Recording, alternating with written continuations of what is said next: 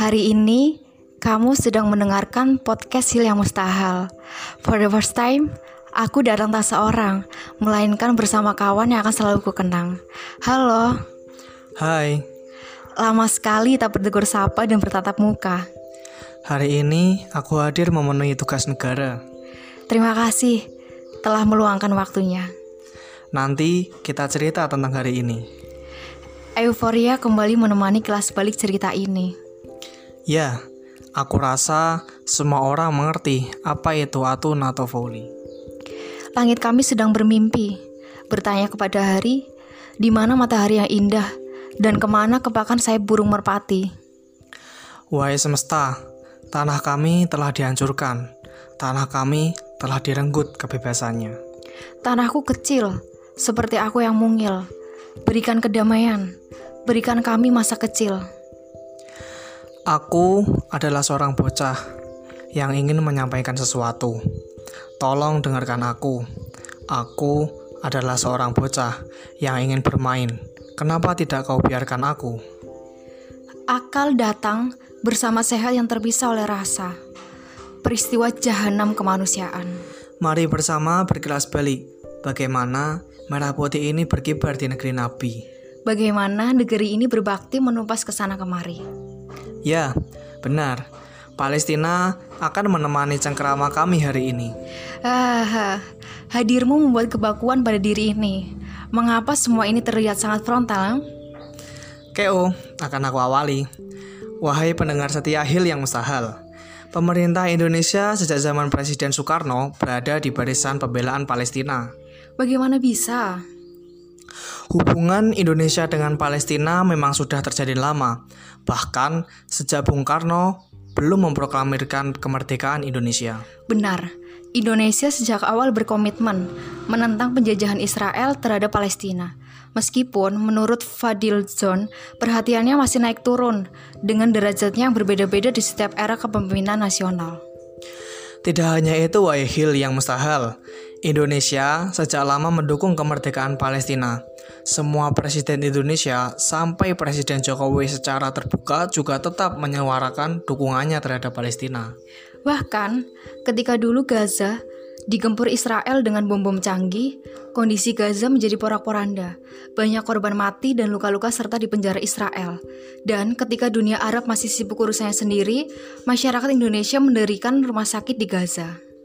Nah, sudah terlihat kan bagaimana merah putih ini bereksistensi? KO lanjut. Konflik Palestina-Israel senantiasa mendapatkan perhatian khusus dalam setiap aktivitas dan politik luar negeri Indonesia. Di antaranya sebagai berikut. Indonesia konsisten menyuarakan hak-hak rakyat Palestina, termasuk mendorong berdirinya negara Palestina yang merdeka, demokratis, sejahtera, dan hidup berdampingan secara damai dengan Israel di bawah prinsip two-state solution.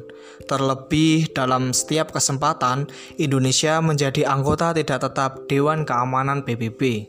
Selain itu, Kicung, ah iya, aku sampai lupa memberitahu siapa namanya. Ya, dia Rizky yang sudah dua menit lalu menemani. Indonesia juga selalu mendorong agar Dewan Keamanan PBB mengeluarkan keputusan yang produktif bagi penyelesaian masalah Palestina.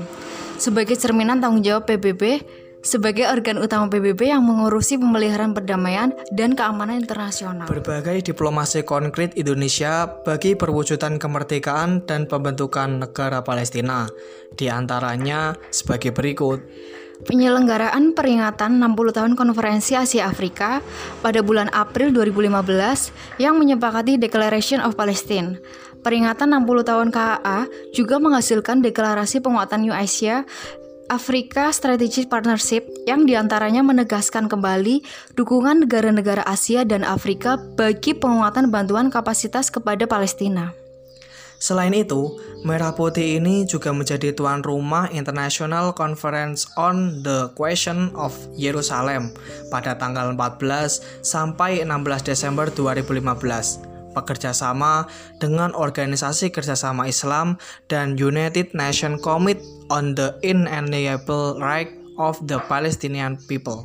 Nah, atas permintaan Presiden Palestina menjadi tuan rumah KTT luar biasa OKI kelima tentang Palestina dan Al-Quds Al-Syarif pada tanggal 6 sampai 7 Maret 2006. Sebab Pertemuan dilatar belakangi proses perdamaian Palestina dan Israel yang tidak mengalami kemajuan berarti, serta siklus baru kekerasan di Yerusalem, termasuk pembatasan akses beribadah ke Masjid Al-Aqsa pada akhir tahun 2015. KTT luar biasa OKI menghasilkan dua outcome dokumen, yaitu sebuah resolusi yang menegaskan posisi prinsip dan komitmen OKI untuk mendukung Palestina dan Al-Quds Al-Syarif dan Jakarta Declaration, gagasan Indonesia yang memuat langkah-langkah konkret untuk dilakukan oleh para pemimpin dunia Islam guna memajukan mas penyelesaian masalah Palestina dan Al-Quds Al-Syarif. Oh, masuk.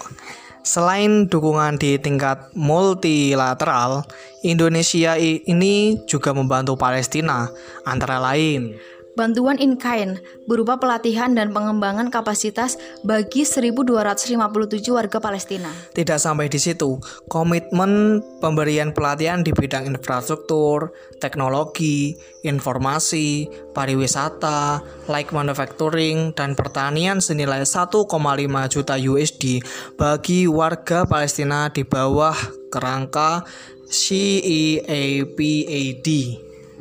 Beri aku beberapa detik untuk bernapas. Bantuan sebesar 20 miliar rupiah untuk pembangunan Indonesian Cardiac Center di Rumah Sakit Ashifa di Gaza. Yeay, kontribusi kepada UNRWA sejak tahun 2009 sampai 2014 sebesar 360 ribu USD. Bisa kita ilhami secara mendasar posisi umum Indonesia terkait isu Palestina sebagai berikut. Mendukung langkah-langkah Palestina dalam mewujudkan kemerdekaan. Mengembalikan sentralitas isu Palestina di dunia internasional di tengah konflik yang terjadi di negara Timur Tengah saat ini. Mendorong pengakuan kedaulatan Palestina oleh negara anggota PBB dan organisasi internasional. Mendukung inisiatif negara-negara dan PBB guna menghidupkan kembali perundingan damai Palestina-Israel berdasarkan solusi dua negara atau two-state solution menggalang negara-negara OKI menemukan solusi damai penyelesaian masalah Palestina-Israel. Terus mengupayakan agar Palestina, terutama kompleks Al-Aqsa, ditempatkan dalam perlindungan internasional. Secara finansial, bukan materi ya, Indonesia akan berkomitmen memberikan bantuan finansial kepada Palestina sebesar 7 juta dolar yang akan disalur dalam beberapa program. Salah satunya UNRWA dan untuk pengungsi salah satunya bentuk adalah klinik mata dan klinik telinga hidung serta tenggorokan. Nah, mustahil.